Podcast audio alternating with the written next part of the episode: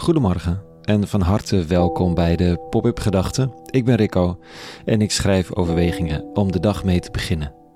Vandaag met de titel Waar wat hoop is en moed. Pop-up Gedachten dinsdag 6 december 2022. Voor haar was er even geen perspectief meer. Ze was erkend als vluchteling met recht op bescherming.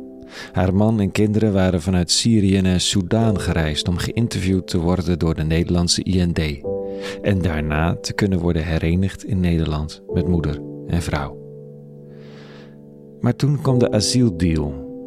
Nederland had structureel AZC's gesloten als er even wat minder vluchtelingen het land in kwamen en zat nu met een tekort. Bij Ter Apels liepen mensen buiten. De politiek besloot dat nareizigers maar even moesten wachten. Een logische gedachte, maar dan alleen voor liefhebbers van kille logica. Verder is het onmenselijk, oneerlijk en tegen de wet. Gisteren werd mevrouw Aladit in het gelijk gesteld door de rechter.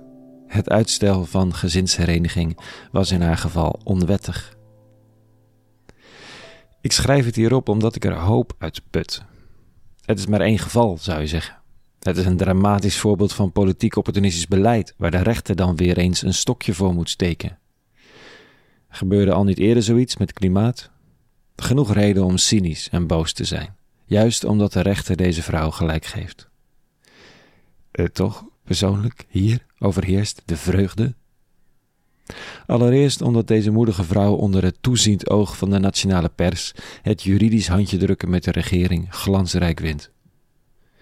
De verdediging van de regering dat extreme tijden om extreme maatregelen vragen, wordt van tafel geveegd. Het gezin van Al-Muladid dat vanuit Soudaan echt niet terug kon keren naar Syrië, van wie het visum verloopt vrijdag, die maakt weer kans. Kinderen gaan hun moeder weer zien en gaan haar terecht de hemel inprijzen. Vanochtend lees ik in de teksten dit. In die tijd zei Jezus tot zijn leerlingen: Wat denkt u? Wanneer een man honderd schapen heeft en een ervan verdwaalt, zal hij dan niet de 99 in de bergen alleen laten om op zoek te gaan naar het verdwaalde? En lukt het hem dat te vinden?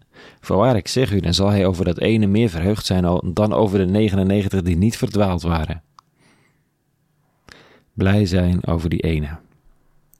Het is de weg van de man van Nazareth. Deze vrouw leek te strijden voor een verloren zaak.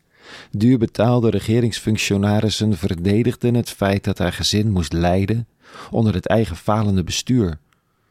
Wat de wet ook zegt over recht op gezinshereniging. Maar zij gaat naar de rechter, in haar eentje met een advocaat. En ze blijkt niet alleen te staan. Ze blijkt niet verloren. Wat de vertegenwoordigers van de Nederlandse meerderheid ook zeggen. Zij wordt gevonden. Want het recht nam het voor haar op tilde haar op een voetstuk en toonde haar strijd aan de vaderlandse media. Zij heeft gelijk. En ze krijgt het ook. Verheugen. Het is nog niet eenvoudig voor degenen die zich een beetje bezighouden met de kwetsbaren in het land. Of dat nu om een dakloze gaat voor wie de regelgeving contraproductief werkt, of het nu gaat om stijgende prijzen die de kwetsbaren onevenredig raken, of over klimaat of over vluchtelingen, je wordt er zomaar cynisch van. Maar dan is het juist belangrijk om te leren vieren. Die ene die gevonden wordt, die ene die op pad gaat. Het verhaal kent maar twee echte spelers, hè? De kudde van de 99, de bijna absolute meerderheid, die is gereduceerd tot decor. Dat redt zich maar. De camera volgt maar twee personages. Degene die verloren is en degene die gaat zoeken. Die zijn relevant. De rest is context. Het is wel een goed perspectief voor de dag die komt, denk ik. Tot zover vandaag. Een hele goede dinsdag gewenst en vrede en alle goeds.